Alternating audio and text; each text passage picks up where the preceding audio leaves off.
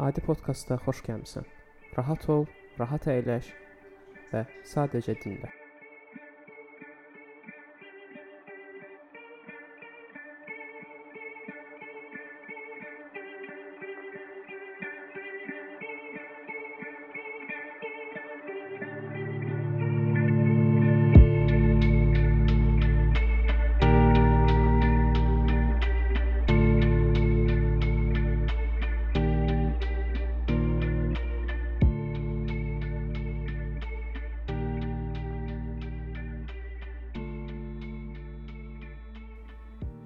Ümumiyyətlə mənim üçün səs yazma eləmək çox çətindir.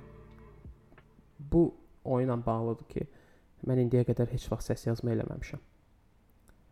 İstər musiqi səs yazması olsun, istər hər hansısa video çıxış olsun, istər kimsə məndən müsahibə götürsün, belə şeylər olmayıb.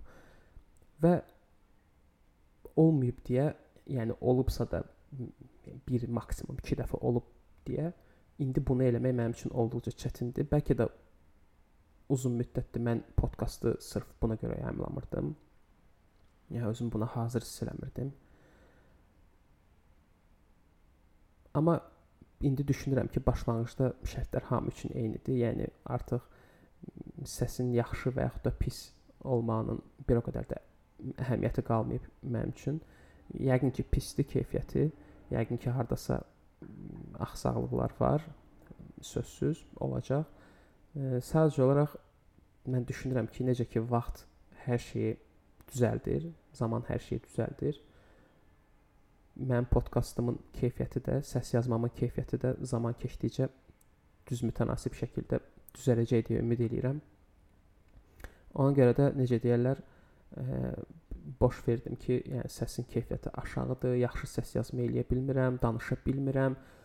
Bütün bu detalların üstündən sürətli keçdim və qərara gəldim ki, hər necə varsa təbii bir şəkildə ilk bölümü yayımlamalıyam, birinci seriyanı yayımlamalıyam. Əvvəla salam. Mənim adım Ataşdır. Ataş Əhməd. Əhməd soyadımdır. 26 yaşım var. Bakıda yaşayıram. Bakıda da doğulmuşam. Qrafik dizaynerəm. O qədər də yaxşı qrafik dizayner deyiləm deyə düşünürəm. Özümü inkişaf etdirməyə çalışıram. Baxmayaraq ki, 3 ildir məşğul oluram, düşünürəm ki, o qədər də ə, yaxşı deyiləm bu sahədə və daha da yaxşı olmaq üçün əlimdən gələni eləməyə çalışıram. Özüm haqqında deyəcəklərim bu qədərdir. Yəqin ki, bundan artığına da ehtiyac yoxdur əgər ehtiyac yaransa da növbəti e, seriyalarda artıq bu barədə danışmaq olar. İndi istəyirəm sadəcə olaraq adi podkast, adi podkast nədir, necə yaranıb e, bu barədə məlumat verim, çünki bu giriş bölümüdür. Bundan sonrakı bölümlərdə artıq adi podkast haqqında yox, adi podkastın çatdırmaq istədiyi, e, adi podkastın e, danışmaq istədiyi şeylər haqqında danışacağıq. Adi podkast ideyası 2022-ci ilin oktyabrında məndə yaranmış bir ideyadır. Bu ideya necə yarandı? Mən e, o vaxtlarda, o zamanlarda gördüm ki, e, mənim içimdə yığılıb qalmış e, kifayət qədər çox fikir var və mən onları danışa bilmirəm. Bu fikirləri formalaşdıran şeylər bizim gündəlik həyatımızda olan adi şeylərdir. Hansı ki, onlar o qədər adidirlər ki, onları danışmağa heç kəs ehtiyac görmür özündə. E, bütün bu adi şeylərin bizdə yaratdığı stress, məsuliyyət, e, bizdə yaratdığı yorğunluq və yaxud da digər hisslər o qədər e, çox və e, çoxdur və sürətli dəyişir ki, e, onları mütəmadi izləmək fürsətimiz olmur, bizim gözümüzdən qaçır. Ona görə mən düşündüm ki, bu adi şeylərə kimsə necəsə vaxt ayırmalıdır və niyə də bu mən olmayım?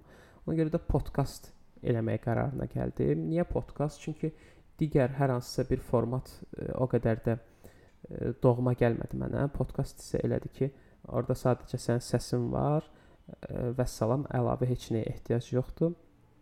Və e, podkast vasitəsilə sən artıq kiminləsə söhbət eləyə bilərsən. E, mən özüm də ara sıra amma tez-tez yox, podkastlərə qulaq asıram və bu format mənə doğma gəldiyinə görə düşündüm ki, elə bu formatla da öz fikirlərimi bölüşə bilərəm. Adi podkastın yaranma tarixi ötən ilə gedib çıxsa da, arada harca 4-5 aylıq fasilə var. E, sizə maraqlı gələ bilər ki, bu fasilə niyə var və ya da gəlməyə də bilər. Amma düşünürəm ki, izah eləsəm yaxşı olar. Bu fasilə ona görə var ki, mən özümü hazır hiss eləmirdim. Yəni səs yazma eləməyə. Mikrofonun sadəcə olaraq arxasına keçib yaşadığın şeyləri danışmağa və bunu bədahətən eləməyə ki, necə ki indi də mən bədahətən danışıram, hər hansısa bir mətn və yaxud da əlavə köməkçi vasitə yoxdur. Sadəcə bir kənara danışmaq istədiyim mövzuları qeyd eləmişəm ki, hər hansısa mövzu yadımdan çıxmasın, amma heç bir alt mətndən söhbət gedə bilməz, yoxdur. Yəni bütün bu prosesə özümü hazır hiss eləmirdim. Mənə çox çətin gəlirdi. Əslində bəlkə də özümü hazır hiss eləməməyim tənbəlliyimə qazandırdığım vicdani belə deyək də həldir. Yəni əslində tənbələm, amma özümü hazır hiss eləmirdim deyib belə deyək özümü aldatmış oluram. Bəlkə də okey. Tənbəlliyimdən 4-5 ay bu məsələ gecikdi, amma bu gün artıq mikrofon arxasına keçib danışmaq qərarını verdim və bu səs yazmanı eləyənə qədər də təxminən 4-5 dəqiqəlik e, onlarla səs yazma eləyib silmişəm, eləyib silmişəm və hardasa çaşırdım, hardasa pauza yaranırdı, hardasa uyğunsuzluqlar olurdu, səs xoşuma gəlmirdi, nəsə əlavə maneələr çıxırdı. Qısası bu gün nə olursa olsun bu podkastı artıq yayımlamaq istəyirəm. Podkastın mövzusu dediyim kimi adi şeylərdir. Bu adi şeylərə nələr daxildir? Bizim gündəlik həyatımızda olan istənilən şey ola bilər. İstifadə etdiyimiz taksidən tutmuş insani münasibətlərə qədər hər şey. Mən bunlar haqqında danışmaq istəyirəm.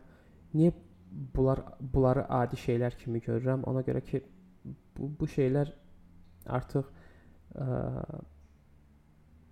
insan harda varsa orada var və o qədər ə, sürətli dəyişir və o qədər e, dayanmadan inkişaf eləyir ki, bu adi şeylər, adi proseslər bizim onları kənardan müşahidə etməyə vaxtımız qalmır. Və mən düşünürəm ki, əslində bizi bir tərəfdə ən çox yoran və ən çox məşğul edən, beynimizi zəbt edən ən önəmli şeylər də elə olardı, adi şeylərdir, hansı ki bizim e, ciddiyə almadığımız adi şeylər. Ona görə də mən düşünürəm ki, adi şeylərin üstündə dayanmaq lazımdır. Ən azı gündə bir neçə dəqiqə də olsa adi şeyləri dayanıb düşünmək lazımdır ki, okey, bu gün mənə təsir edən və mənim görmədiyim hansı adi şey var idi. Çünki ə, nə dərəcədə adi olsalar da onlar bizim bir parçamızdır və məncə bizim üçün olduqca önəmlidirlər. Mən növbəti bölümlərdə artıq bu adi şeylər haqqında danışmaq istəyirəm ə, hər bölüm spesifik olaraq bir mövzu ətrafında cərəyan eləyəcək. Ə, misal üçün tutaq ki, birinci bölüm pul haqqındadsa, ola bilər ki, 5-ci bölümdə hörmət haqqında olsun və yaxud da hər hansısa başqa bir mövzu da ola bilər.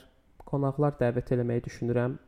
Məşhur insanlar yox, sadəcə adi insanlar bəlkə məşhurlar da dəvət eləyə bilərik nə vaxtsa. Yəni hələ ki podkastimin gələcək həyatı ilə bağlı hədəflədiyim yeganə şey birinci növbədə öz ə, e, daxilimdə yığılıb qalmış ə, e, fikirləri bölüşmək, öz başıma gələn yaxşı və yaxud da pis təcrübələri insanlara ötürmək və bu yaşadığım təcrübələrlə insanlara, cəmiyyətə faydalı ola bilmək və hər həftə mümkün olsa, hər həftə təzə bir e, bölüm yayımlamaq. Hələ ki plan sadəcə bundan ibarətdir. Deyə biləcəyim sözlər giriş bölümü üçün sadəcə bu qədərdir. Mən Ataşın təqdimatında siz Adi podkastın birinci bölümünə qulaq asdınız. Dinləyən hər kəsə təşəkkür edirəm. Sağ olun.